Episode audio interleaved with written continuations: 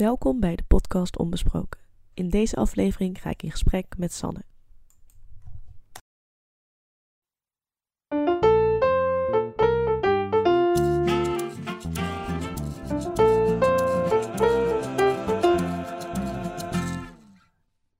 Sanne ken ik van de basisschool.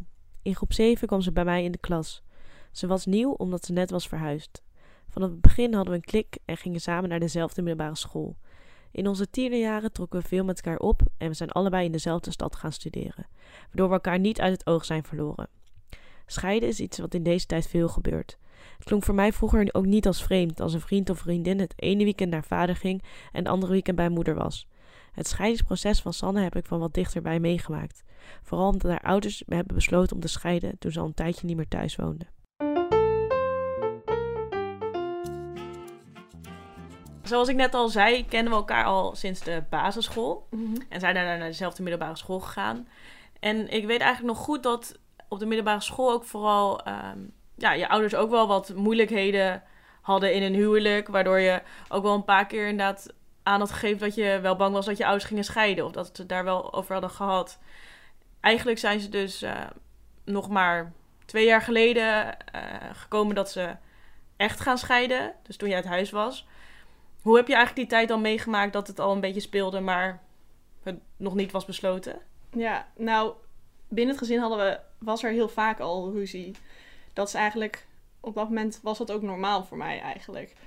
Als ik achteraf terugkijk en met anderen erover heb, uh, dat gezinnen, dat daar niet zo vaak ruzie is. Nou, dat was bij mij wel. En uh, op een gegeven moment was het inderdaad heel heftig. Een beetje rond, uh, nou ja, de puberteit. Ja. Uh, vooral mijn vader had er erg moeilijk mee uh, toen mijn zus en ik in de puberteit kwamen. En daar zijn toen ook heel veel conflicten geweest. Met name tussen mijn zus en mijn vader. En dat kon ook echt, echt heel erg exploderen. Dus die konden heel erg naar elkaar schreeuwen en doen. En rond, rond die conflicten hadden dus mijn ouders ook weer conflicten. Dus eigenlijk de meeste dingen tussen, die tussen hun speelden gingen over ons. Oh, oké. Okay. Um, dat zij niet consequent genoeg waren, afspraken niet nakwamen en dat soort dingen.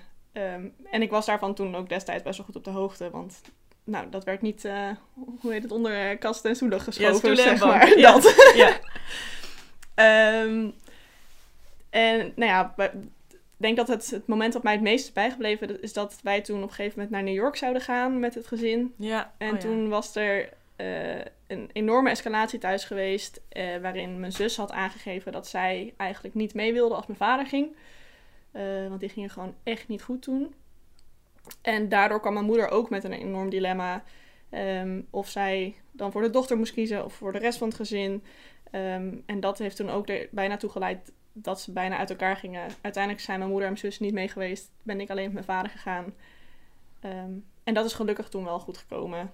Als in, toen zijn mijn ouders in therapie gegaan. Hebben ze toch ervoor gekozen om met elkaar verder te gaan. En eigenlijk vanaf, ik denk, dat diepe punt is het toen wel weer beter gegaan. Oké, okay, ja, want je vertelt wel echt veel in één keer. en inderdaad, ik weet dat, dat New York, uh, ja, dilemma ook uh, inderdaad nog best wel goed. Dat dat wel echt een ding was. Um, ik wil ook nog wel even, want je, je begon aan het begin te zeggen van... Hoe, dat je niet echt door had dat er best wel veel ruzie was bij thuis, dat het niet normaal was. Was, was dat eigenlijk de hele tijd dat je dat uh, dus niet door hebt en pas nu, omdat je er met mensen over praatte? Of hoe werkte dat? Ja, ik denk dat ik toen ergens ook al wist dat het uh, wel heel veel en heel heftig was. Mm -hmm. Maar ja, je weet het toch niet beter. Ik denk dat ik destijds wel met mensen erover gehad heb. Nou, ik heb er met jou ook wel eens over gehad en met andere Ja. vriendinnen. Um, waarin je wel terugkrijgt van, nou, dit zijn wel heftige ruzies. Maar toch heb je ook wel het gevoel dat iedereen dat wel heeft.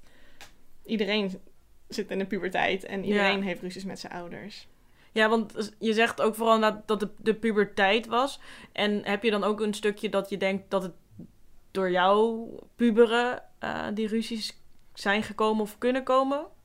Um, ja, zeker in bepaalde mate natuurlijk. Ik denk wel dat mijn zus daar meer uh, mee te maken had. Um, maar ja, uiteindelijk denk ik ook nog steeds, het, het, het zat hem vooral ook wel tussen mijn ouders mis. Ja. Dat zij allebei op een andere manier uh, met opvoeding omgingen. En dat daar de ruzies over kwamen. had je wel het gevoel dat toen jullie klein waren, je ouders wat meer op één lijn zaten qua opvoeding? Ja, denk het wel. Ja. En waaraan zag je dat dan? Dat het beter ging in vergelijking met toen?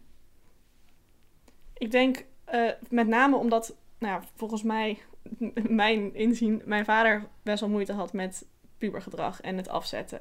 En als, en dat, dat, nou, dat geeft hij zelf ook wel aan dat hij, uh, dat hij dat ook gewoon geen leuke tijd vond. Omdat hij daar gewoon heel veel moeite mee had. Hij was best wel gewend om eh, de autoritaire man te zijn die zei: het gaat zo. En um, nou ja, op het moment dat pubers dat natuurlijk op een gegeven moment niet meer pikken, Ja. had hij geen probleem om op te staan eigenlijk. Terwijl mijn moeder was meer, die liet het allemaal een beetje over zich heen komen. Die kon juist ja, over zich heen laten lopen. Maar daarin dan toch op een gegeven moment de grens aangeven. Maar ook daarin onvoorspelbaar voor mijn vader eigenlijk soms. Bij dat punt dat je net beschreef van New York, dat eh, dilemma tussen je vader en je zus. Als zij op dat moment eh, hadden besloten dat het niet meer zo kon, zou dat achteraf kijkend misschien beter zijn geweest? Beter klinkt altijd een beetje gek, omdat je natuurlijk niet weet. Maar hoe kijk je daarop terug? Ja, goede vraag. Dat heb ik mezelf ook best wel vaak nu afgevraagd. Van, hadden ze niet beter toen kunnen gaan scheiden, inderdaad? Ehm, aan de ene kant denk ik, eh, ja, hadden ze misschien beter wel kunnen doen. Want het zat niet goed en het is daarna ook niet helemaal meer goed gekomen. Eh, en hadden zich daarmee wel veel bespaard eh, kunnen hebben.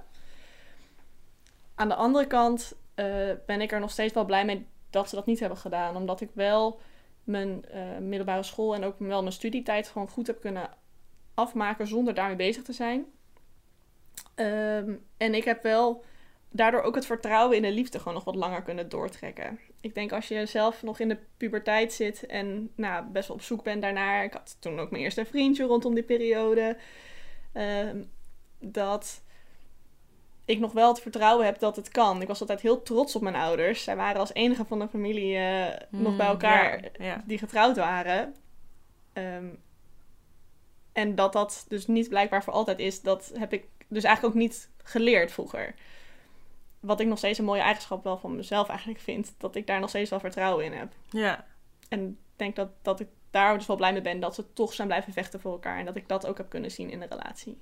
ja want ehm, ze zijn twee jaar geleden, dus hebben ze gezegd tegen jullie dat ze gingen scheiden. Ja. Dus toen waren jullie al uit huis.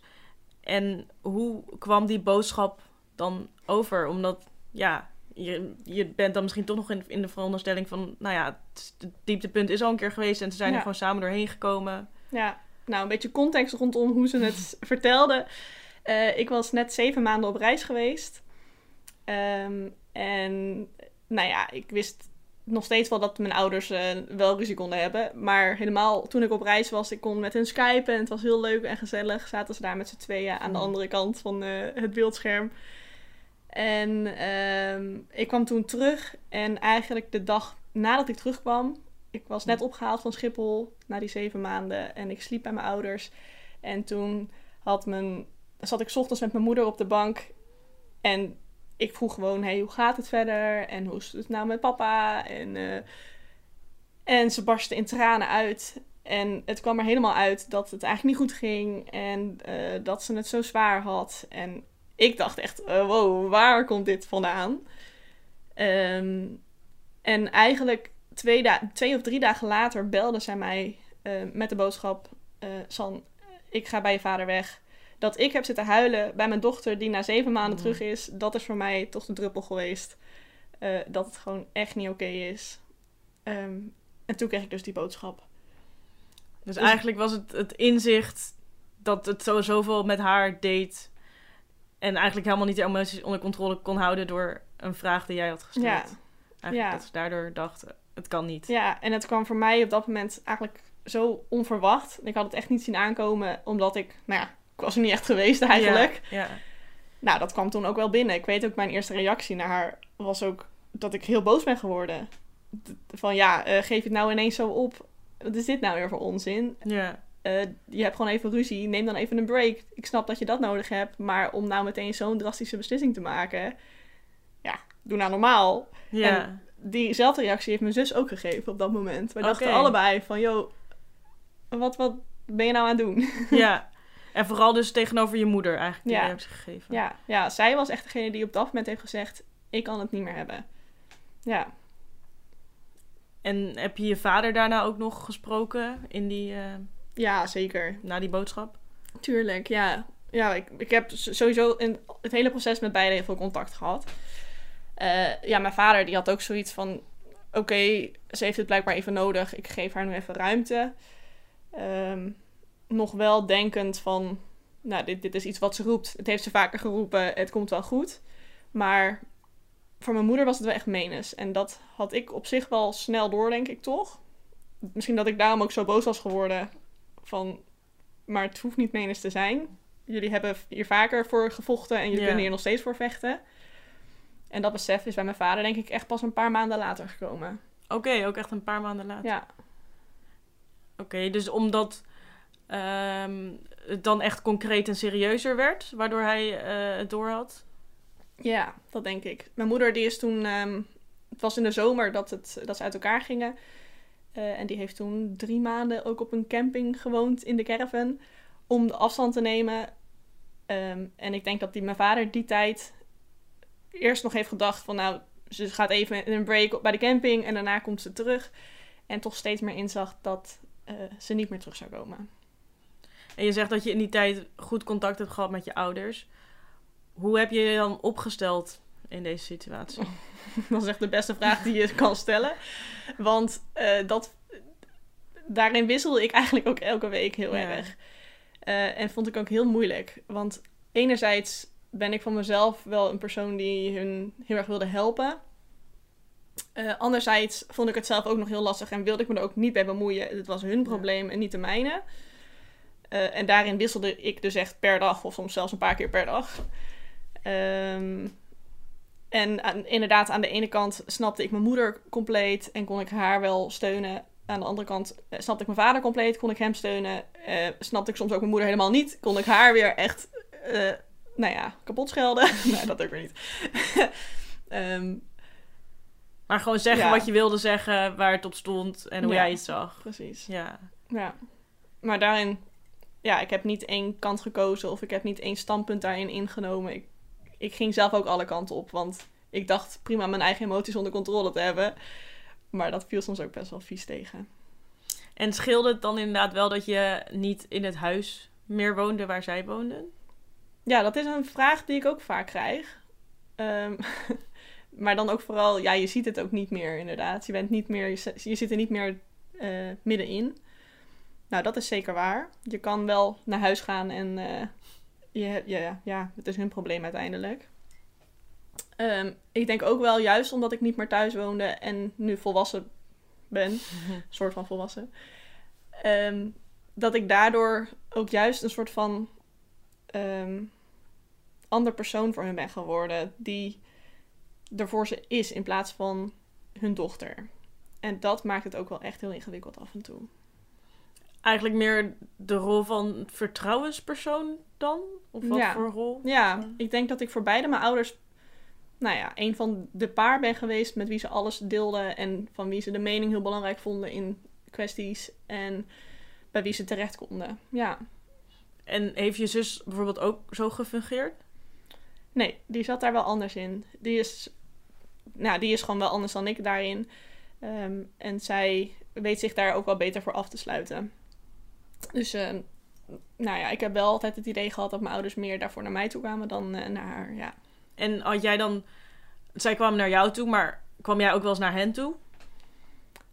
Eh, ik denk te weinig. Ja, ik heb denk ik pas eh, zeker een half jaar later, toen ik ook even met mijn, mijn stage op dat moment allemaal niet lekker zat. En ik merkte dat ik eigenlijk met niks meer naar hun durfde te komen, omdat zij zelf ook zo vol met emoties zeg maar zaten. En nou ja, dan kwam ik er nog een keer bovenop met mijn dingen.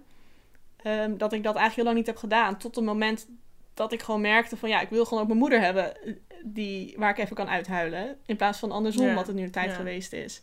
En dat besef, en dat heb ik toen ook uitgesproken. En dat heeft toen gelukkig wel een beetje ruimte gegeven daarvoor weer. En had je het gevoel dat jij in die tijd wel genoeg bij bijvoorbeeld vrienden kwijt kon over waar je mee zat? Ja, zeker. Ja, mijn vrienden zijn echt eh, top. Die hebben mij echt eh, enorm ook opgevangen. eh, waren er altijd voor me. Dus dat, dat is super fijn dat ik echt een enorm netwerk om me heen heb. Maakt het niet dat ik altijd het even makkelijk vond om toch met dit soort dingen bij ze, bij ze te komen, zeg maar. Want, nou ja, ik weet niet, anderen zijn ook druk. En, ehm, maar ik wist wel dat ze daar helemaal waren. En ze hadden echt niets, ze hadden niet meer voor me kunnen doen. Dus eh, daar dat ben ik nog steeds heel blij en dankbaar voor. Ja. En toen je dat eh, inderdaad had aangegeven bij je moeder, had zij door dat eh, dit hele proces maakte dat je het wel soms lastig vond om naar haar toe te komen? Of was het gesprek echt, inderdaad wat je al zei, misschien een opening waardoor ze dacht, oké, zo kom ik over of nu geef ik helemaal geen ruimte aan jou? ja, mijn moeder reageerde daar gelukkig heel goed op. Die had echt zoiets van, ja, maar ik ben ook je moeder en je moet ook naar mij kunnen komen. En ehm, zo'n scheiding hakt er ook voor jou enorm in. En dat moet je ook juist voor jezelf kunnen erkennen. En daar moet ik ook ervoor voor jou kunnen zijn. En je hebt ook helemaal gelijk. En ik ga minder over mezelf praten. En ik ga minder eh, delen met jullie. Want jullie hebben het al moeilijk genoeg. Dus die heeft daar wel goed op gereageerd. Of ze nou ook inderdaad echt veel minder ging delen, dat niet. maar het was wel fijn dat die opening nou, van dat gesprek er was geweest. En ik voelde me daarin ook wel, wel gehoord en gezien toen. Ja. En heb je het ook met je vader erover gehad? ja, die heb ik toen. eh, want dat kwam er ook een beetje bij. Als ik iets met de een besprak, dan had ik ook heel erg het idee dat ik dat met de ander ook moest bespreken. Dus ik heb eigenlijk ook, nou, dat doe ik soms nog steeds wel. Als ik dan met de een heb neergelegd, dan bel ik de ander ook meteen. Omdat ze zich niet eh, anders, eh, nou ja, gepasseerd voelen of zo. Heel stom eigenlijk. Eh, maar toen heb ik dat ook meteen bij mijn vader neergelegd. Want die kon dat ook doen. Ja. Ja. Maar ja, dan vervolgens kreeg ik ook weer.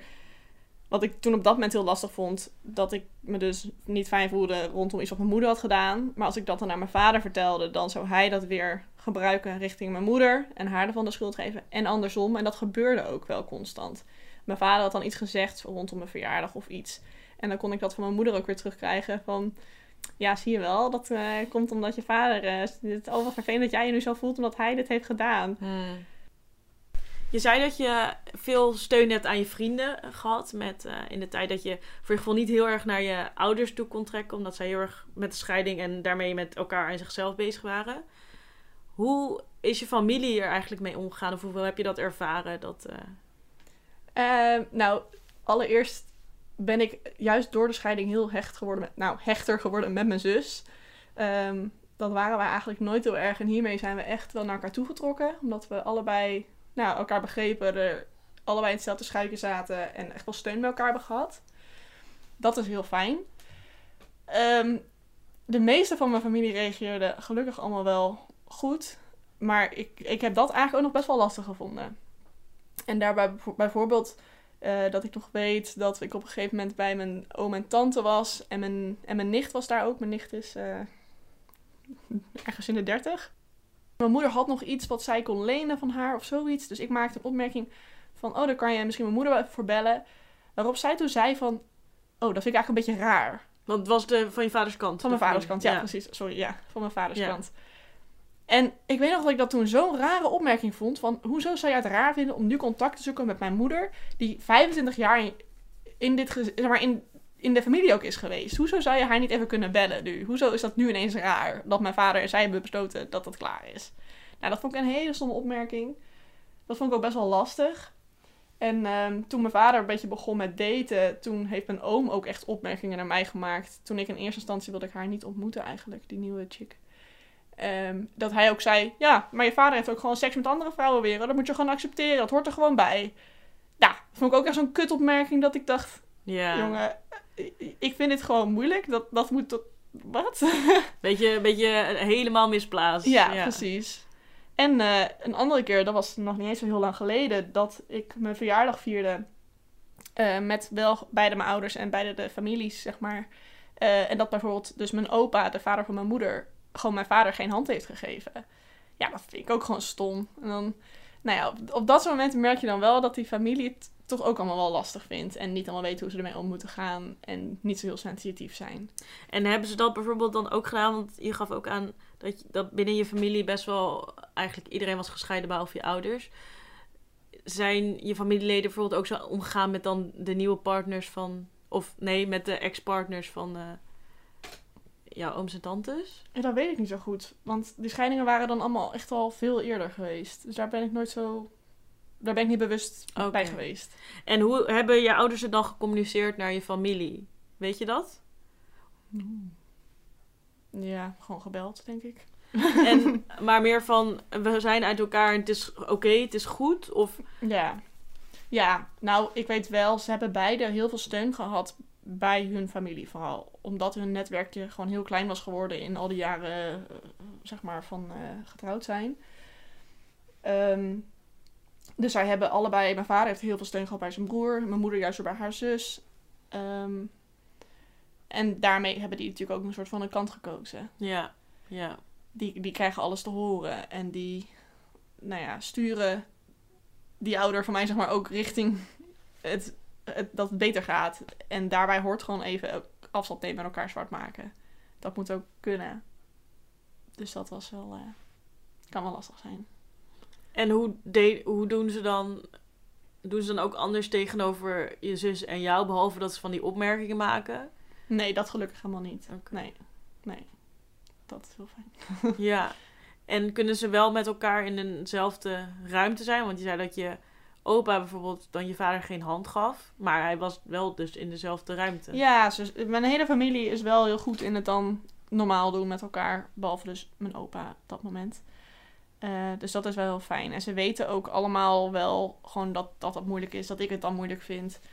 Uh, was nu ook heel gedoe waar ik mijn feestje zou vieren. Op een soort van neutraal terrein, et cetera. Dus ze zijn er wel bewust van. En, en accepteren dat ook allemaal prima. En praten ook gewoon nog steeds met elkaar. Want inderdaad, ze zijn 25 jaar met elkaar omgegaan. Ja, dus dat, komt op, dat, dat valt gelukkig allemaal wel mee. Je zegt inderdaad dat ze wel 25 jaar samen zijn geweest. En dat uh, bijvoorbeeld met familie het wat lastig is, uh, waar je verjaardag nou gaat vieren.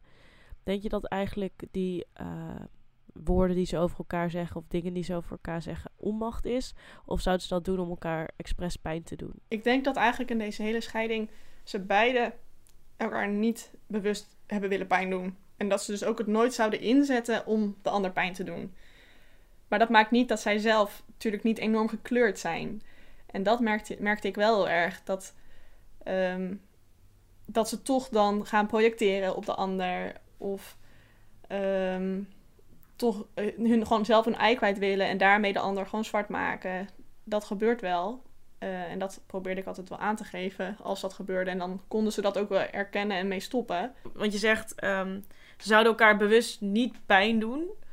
Komt dat omdat er dus nog wel echt een basis toch wel zit van respect of echt van liefde nog bij hun? Ja. Ik denk ja, dat denk ik wel. Mijn ouders hebben altijd gezegd dat ze nog steeds vrienden willen zijn en nog steeds maatjes willen zijn. Ze houden nog wel, ze houden nog steeds van elkaar, dat weet ik zeker. Maar niet meer op zo'n manier. En ook, dat is eigenlijk het hele vervelende aan zo'n scheiding. De hele, uh, het hele proces van zo'n scheiding dat maakt meer kapot dan het moment dat je zegt ik wil scheiden. En wat is het hele proces wat dat kapot maakt? Nou, het proces bij mijn ouders was best ingewikkeld. uh, mijn vader had een eigen bedrijf aan huis, uh, waar ook mijn moeder wel klussen deed. Uh, maar hij was, nou ja, wat dat betreft, gewoon een, workaholic rondom zijn bedrijf. Wat niet altijd even goed is gelopen. Dus mijn ouders hadden ook best wel wat schulden gemaakt rondom dat bedrijf. Mijn moeder heeft eigenlijk nooit echt een, een, baan gehad, behalve klussen voor mijn vader te doen. Nou, wel voordat ze met mijn vader samen was, maar eigenlijk vanaf dat moment bijna niet meer. Toen was zij voor ons vooral. Um, en op het moment dat zij alles ineens moesten splitten, want ze waren getrouwd in gemeenschap van goederen natuurlijk, mm. zoals ze destijds allemaal deden ja. en waar ze volle, volledige vertrouwen in hadden. Um, dat was gewoon best ingewikkeld rondom uh, alimentatie betalen of uh, wat doen we met de schulden, wat doen we met het bedrijf. Eh, wie is waar verantwoordelijk voor geweest? Ehm, en daarin was vaak wel een akkoord weer bereikt. En dan was er toch weer iemand die zei: nee, ik wil het niet. Of ik wil het alleen onder deze voorwaarden, waar de ander het weer niet mee eens was. Ehm, zou je nog wat meer over het proces eh, kunnen vertellen? Wat het maakte, wat het meer kapot maakte dan eigenlijk puur zeggen? Ja. Bij een scheiding wordt een, een mediator ingezet. En dat is eigenlijk iemand die dus nou ja, gaat mediaten en, en voor beide partijen instaat. Maar wel als een neutrale persoon kijkt, hey, hoe kan je dingen gaan verdelen?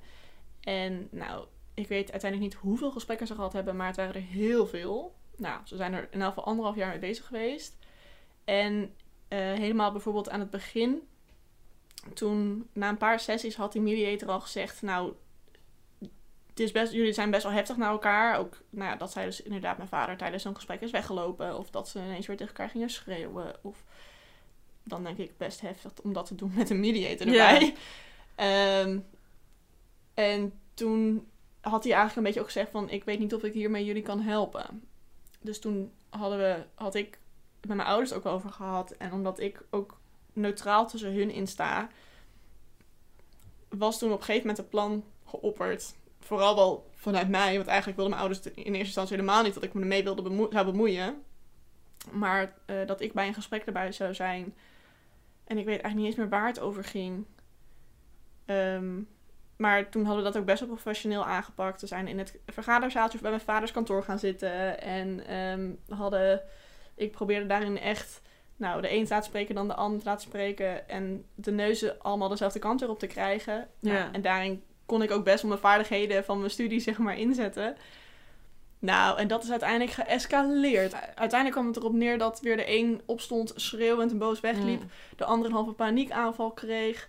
Ehm, toen die weer wegliep, uh, terugkwam met een blaadje met daarop geschreven: Dit is wat ik wil en ik wil het niet anders. Ook geen opening meer voor, um, nou, voor onderhandeling. En ik daar eigenlijk ook als een soort van terug ging schreeuwen op een gegeven moment in het hele. Dat ik probeerde neutraal te blijven. Wat natuurlijk niet lukte, want ik zat ook vol emotie. En nou, uiteindelijk waren we echt drie maloten die naar elkaar aan het schreeuwen waren. Van doe normaal, doe rustig. En oh, het was zo vreselijk. Ehm, dus dat, uh, nou, dat, dat was gewoon best wel heftig. En nou ja, dat soort ruzies en conflicten zijn dus gewoon constant tijdens die, dat scheidingsmoment, nou, de, de scheiding geweest. Um, en dat maakte gewoon het echt niet beter. En hoe, hoe vond je dat op dat moment dat je je ouders dan zo met elkaar om zag gaan? En dat jij inderdaad ook daar emoties bij kreeg. Hoe, hoe, hoe vond je dat?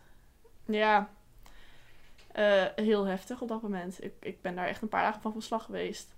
Aan de ene kant eh, was ik wel ook dit soort ruzies gewend. Ik kende dit. Um, maar om dat nu te zien um, in zo'n setting waarin de een eigenlijk de ander toch probeert te kwetsen, want die voelt zich gekwetst en die doet het dan terug, uh, heeft toch een heel andere insteek dan je hebt gewoon ruzie. En het is hard tegen hard, maar straks gaan ze weer knuffelen en is het weer goed. Je weet ook dat dat nu niet meer gaat komen. En dat was wel echt heel, heel heftig. En ook vanaf dat moment heb ik nog meer mijn handen eraf getrokken en heb ik echt gezegd: Oké, ik dacht dat het oké was dat ik jullie wel kon helpen. Maar dat kan ik niet. Nee, en eigenlijk omdat het proces ging dan waarschijnlijk over de, over de, de spullen, denk ik, of niet? Ja, het bedrijf en de alimentatie. En ja, precies. precies, dus, maar niet echt over een relatie, maar echt over de verdeling en dingen. Praktische zaken. Ja, en hoe kwam dat dan dat het zo hoog in een vroeg stadium bij ze opliep? Hoe zag je dat gebeuren? Hoe bedoel je dat? Nou ja, dat, dat ze toch er niet uit kunnen komen dat bij hun allebei een boosheid of paniek of niet gehoord voelen. Uh, bij best wel een inderdaad praktisch ja. ding. Nou ja, dit ging niet over uh, welk servies neem jij en welk, mm welk servies neem ik. Dit ging echt over uh, dingen zoals het bedrijf en de schulden en um, nou ja, een soort ook een onderdeel van wie is nou verantwoordelijk voor welk deel. En uh, dat soort dingen. Waar meer dan uh, makkelijk verwijten konden worden gemaakt. precies. Oké. Ja. Ja. En maar, nou, ook een ander onderdeel van die hele verdeling ik weet nog dat ik dat ook best wel heftig vond. Ehm, dat bijvoorbeeld mijn vader op een gegeven moment een opmerking maakte: Ja, maar als jouw moeder zou overlijden, heb jij een erfenis eh, die heel hoog is. En eigenlijk heb jij dus meer, al meer geld. En dan zou ik dat, weet je, dat soort dingen speelden er. Echt de persoonlijke dingen echt Ja. erbij halen. Ja. Van, eh En dat was dan Annie mee eens, et cetera. Ja, daar kan best wel veel bij kijken allemaal. En had je het voor je gevoel het gesprek goed voorbereid toen je daarin ging? Ja, ik had het idee, ik ga het gesprek helemaal rocken natuurlijk. Ik, eh, ik ken ze, ik kan ze sussen. Ik dacht ook, nou bij mij zullen ze misschien eh, weten dat, dat ik dit moeilijk... Maar gaan ze zich een beetje inhouden? Maar nee. Helaas. Maar aan de ene kant ook wel weer juist goed dat je zegt dat je daarna wel wat meer afstand ervan hebt genomen. Want het kan ook juist zijn dat misschien juist een schuldgevoel kan komen, waardoor je denkt ik moet compenseren en laat zien dat ik eh, niet een kant kies of misschien per ongeluk heb gekozen in deze strijd. Ja. Nee, wat dat betreft ben ik denk ik wel best wel goed in voor mezelf kiezen. Dat ik dat ook... Nou, ik was er wel echt... Nou, echt al een paar dagen goed van van slag. Dat ik toen ook echt bedacht, nee, dit gaan we niet doen. Dit ga ik echt niet meer aan beginnen. Waar ben ik aan begonnen? Ja. Ja. Maar dat is denk ik inderdaad ook wel, eh, wel een, een, een mooie eigenschap die je dan wel hebt. En ehm, zou dat dan ook weer te maken hebben eh, met dat je bijvoorbeeld eh, dit al, die gespreksvragen bijvoorbeeld ook al in je studie hebt gehad, dus dat je wat ouder bent? Ja, dat denk ik wel. Ik denk wel dat ik inderdaad daarin nu wel mijn grenzen kan aangeven. En ja, je, je vader een nieuwe vriendin. Dat proces heb ik ook wel een klein beetje van jou meegekregen. Dat eh, je ouders beide ook wel weer een klein beetje gingen kijken naar ja, andere mannen en vrouwen. Hoe heb je dat proces meegemaakt? Want ze deelden eigenlijk nog best wel veel met jou. Alsnog Ja. net zoals in dit de hele, hele proces van scheiden. Ja. Ja, aan de ene kant vind ik dat ook altijd de kracht van mijn gezin. Dat wij heel veel met elkaar delen. Ja, dat is ook wel. Eh, aan de andere kant is er zoveel met mij gedeeld wat ik niet had willen weten. Eh, zoals het hele proces inderdaad rondom relaties, nieuwe relaties. Ehm, inderdaad, mijn vader is eh, nou, best wel snel nadat eh, die scheiding nou ja, bedacht was, eh, is die begonnen met daten. Op Tinder eh, is hij begonnen en op een gegeven moment ook wel wat meer andere dating sites. Ehm, en ik weet nog dat ik dat in het begin heel raar vond. Dat Ja. hij ook vertelde dat hij dan met dat, dat hij was blijven slapen bij een vrouw. Of dat een vrouw in, in, in ons huis had geslapen. Want toen woonde hij nog in, in ons huis, zeg maar, het ouderlijk huis. Mijn moeder was er wel uit. Ehm, nou, dat vond mijn moeder dus vervolgens heel moeilijk natuurlijk. Want Ja. het was in, in haar bed. En Ja. nou, snap ik ook wel. Vind ik nog steeds ook wel, eh, vind ik wat van. Ja. Ehm, maar ik heb daar best wel moeilijk mee gehad in het begin. En eh, toen heeft mijn vader uiteindelijk een relatie ge- gekregen. Ik denk dat het een half jaar heeft geduurd, die relatie. Eh, en in eerste instantie wilde ik haar ook niet ontmoeten. Nee. Ehm, toch wel gedaan en was een hele leuke vrouw. En toen, eenmaal, toen ik haar ook eenmaal had ontmoet, was het ook allemaal prima eigenlijk. Nou, dat is toen wel snel uit, nou, snel, na een half jaar uitgegaan. Eh, en toen begon mijn moeder gelukkig ook een beetje te daten. Ik had haar daarin ook wel een beetje gepusht af en toe, denk ik. Zo van, nou mam, eh, ga je weer eens een keer vermaken. Kijk eens even wat er op de markt is. Ja, Tinder, super laagdrempelig. Je hoeft er helemaal niks mee. dus mijn moeder aan de Tinder. maar, eh, en eigenlijk vanaf het moment dat zij daar ook mee bezig was, kon ik, wist ik ook dat zij het minder moeilijk vond dat mijn vader dat ook aan het doen was. En waren ze daarin een soort van gelijk getrokken. En dat maakt het makkelijker. Ja, omdat. ehm, ja, want je, je zegt dat je moeder eigenlijk dus wel heb- een beetje hebt gepusht. Ja. Is, terwijl je wel vertelde dat je het wel vervelend vond dat je vader aan het daten was. Dus vond je dan vervelend dat je vader aan het daten was eh, omdat hij dan misschien een andere vrouw in zijn leven kreeg die jij ook in je leven misschien krijgt dan? Of omdat je zag wat het met je moeder deed? Ja, vooral dat laatste. Vooral inderdaad omdat ik merkte dat mijn moeder dat echt nog moeilijk vond. Ook omdat hij toen nog in, in hun huis woonde. Ja. Ehm, en dat, dat zij daar eigenlijk nog het heel moeilijk met die scheiding had. Heel vaak heel emotioneel nog was. En ook echt heel boos kon worden. Nou, en vooral heel verdrietig kon worden. eh, omdat hij alweer verder was. En zij nog steeds eigenlijk met alle shit zat, zeg maar. Ja. Ja, ik heb me nooit echt bedacht van... Oh, dit wordt mijn nieuwe stiefmoeder. Want zo zie ik het niet. Daarvoor ben ik, denk ik, ook meer te weinig kind om dat zo te gaan ervaren. Dat is dan eerder gewoon de nieuwe vriendin van mijn vader. Ja, ja. En is dat dan ook alweer eigenlijk een, een positief punt omdat je ouder bent? Ja, misschien wel. Ja. Want zie je het. Hoe ging dan bijvoorbeeld dat, dat proces dat je dacht, nou oké, laat ik mijn moeder ook aan het daten sturen? Zag je, was het te snel eigenlijk eh, dat je die hebt gepusht? Of zag je ook wel dat zij er echt van opknapte? Goeie vraag. Ehm, aan de ene kant is het... eh, ik denk dat zoiets als daten na 25 jaar relatie... want we zijn 25 jaar getrouwd geweest... eh, is het altijd te snel als je dat binnen een paar jaar Ja. doet. Dat, zo'n scheiding heeft echt enorm veel tijd nodig om daar overheen te komen. Maar ik denk wel dat het als een soort rebound wel goed voor beide is geweest. Om weer even te kijken van wie ben ik nu zelf in, in tegenoverstelling van, nou ja, een andere man of een andere vrouw. Ehm, wat wil ik zelf? Want ook daar kom je wel achter door Ja. nou ja, met mensen in gesprek te gaan. Ehm, en ook, ze hadden beide niet zo'n heel groot eh, eh, netwerk meer. Dus ook daarin denk ik dat het ook wel...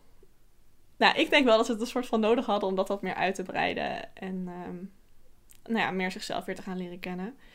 Maar natuurlijk is het te vroeg. Een, een serieuze relatie moeten ze ook niet eruit willen halen, denk Nee. ik. Maar dat is vervolgens wel waar ze naartoe proberen te werken natuurlijk. Nee, maar ja, dus ik vind wel eh, goed dat je ehm, bijvoorbeeld daar wel bijvoorbeeld je moeder daar dan toe hebt gezet. Want ik kan me voorstellen dat het best wel lastig is om deze situatie te verwerken en dan, dan meteen al te kijken van oké, wat is de volgende stap?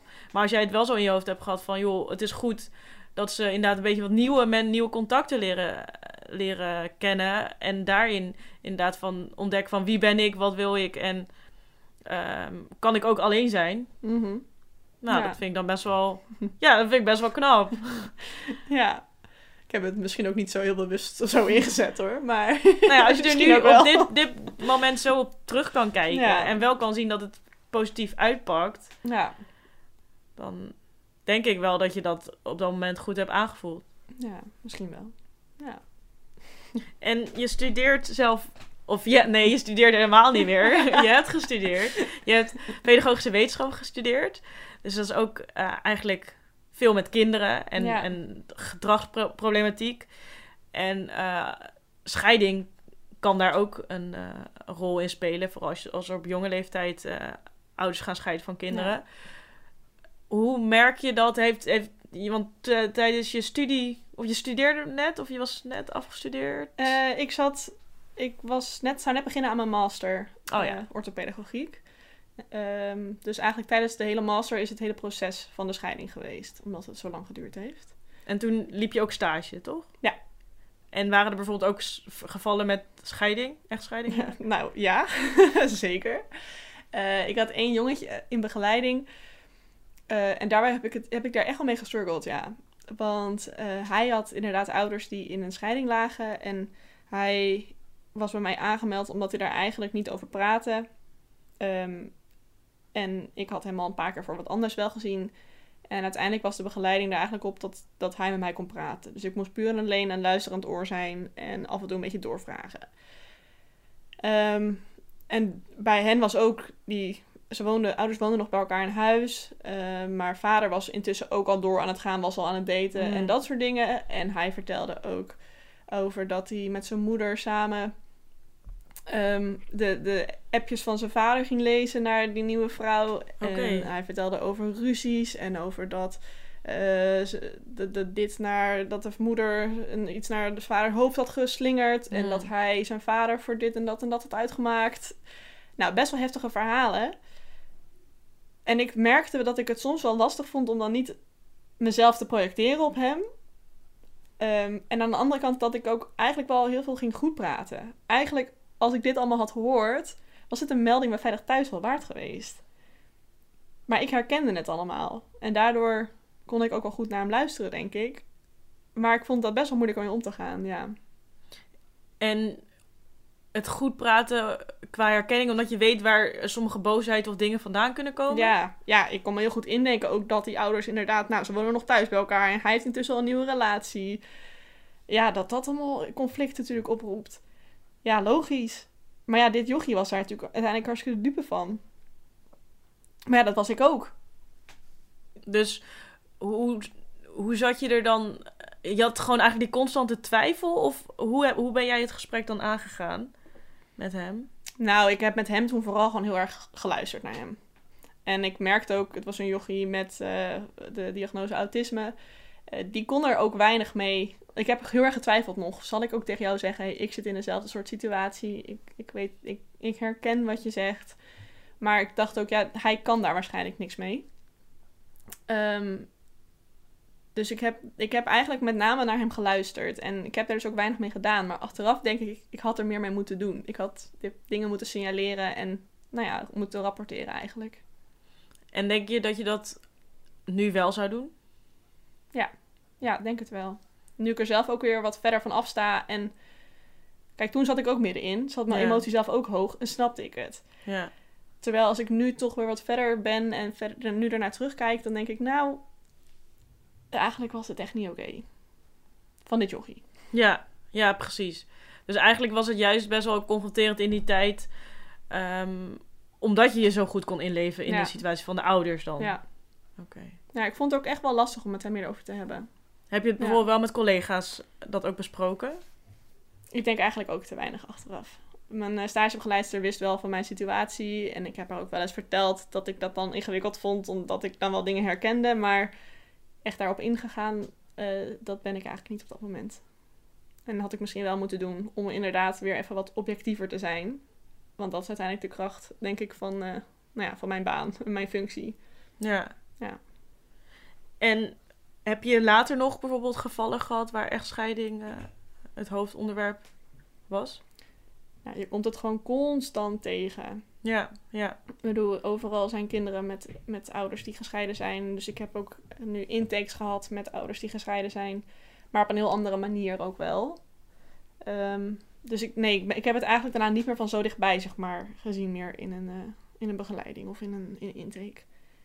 Nee. Oké, nou gelukkig, Ja. denk ik dan. en je zei eigenlijk al ehm in het begin, redelijk aan het begin, ehm, dat je wel blij was dat je ouders eh, niet op dat moment gingen scheiden eh, op de middelbare school. Mhm. Omdat je eigenlijk nog wel die hoop in de liefde had. En daar ben ik dus ook nog wel eigenlijk benieuwd mee. En daar wil ik dan eigenlijk ook wel eh, daarmee afsluiten als, als laatste vraag van... Zou jij ooit nog willen trouwen? Of hoe zie jij nu de liefde? Want heeft, heeft het inderdaad je wel gevormd? Of denk je, nou, kom maar op. Ik eh, heb er het volste vertrouwen in en eh, ga zeker nog eh, trouwen. Want echte liefde, ware liefde bestaat nog. Ja, dat is een hele goede vraag van je. Ehm, ik denk dat ik zeker nog vertrouwen in de liefde heb, maar het heeft wel een enorme opdonder gehad. En of ik wil trouwen, ja, ik wil gewoon graag een keer zo'n mooie jurk aan hebben. maar die heb je al gehad. ja, dat is waar. Ehm, maar, nou ja, kijk, ik ben, ik ben nu al drie jaar vrijgezel. En ik heb, eh, ik denk het zeker het laatste half jaar, maar eigenlijk al langer, dat ik me compleet afsluit voor alles wat ook maar een beetje mannelijk is. en wat een beetje in de buurt van liefde komt. Eh, omdat ik ook weer wil gaan reizen. Ja. Ehm, maar dat is ook wat ik tegen mezelf zeg. Dat ik dat doe omdat ik wil gaan reizen. En af en toe dan denk ik wel... Is het niet ook omdat ik eigenlijk door dit wel toch een opdonder heb gehad? Ehm, van inderdaad, wat is liefde nou? En voor hoe lang is het nou? En kan je wel voor altijd bij dezelfde persoon blijven? Ehm, ik denk dat ik dat moet ervaren als ik weer echt verliefd word. eh, hoe en wat. En voor nu eh, ga ik gewoon weer lekker reizen. Ja. Nou ja, is, dat is ook wel weer een, een typerend ding eigenlijk van jou. Dat je er wel over nadenkt, dat je er wel bewust van bent. Dat je dat, je dat misschien niet de echte reden is dat het... eh, maar dat je het je goed kan voorhouden. Maar ik denk dat inderdaad ook wel weer dat dat eh, voor nu ook weer prima is. Maar eh, dat je je wel inderdaad daar op een bepaalde manier op een gegeven moment wel voor open gaat stellen. En het dan wel weer gaat ervaren. Ik hoop het. Ja, en ehm, het daarin eh, ook bespreekbaar maken. Nou, Maar uh, ik denk dat dat wel moet lukken. Mm, jawel. nou, dankjewel voor je openheid ja. en uh, voor het gesprek. Graag gedaan.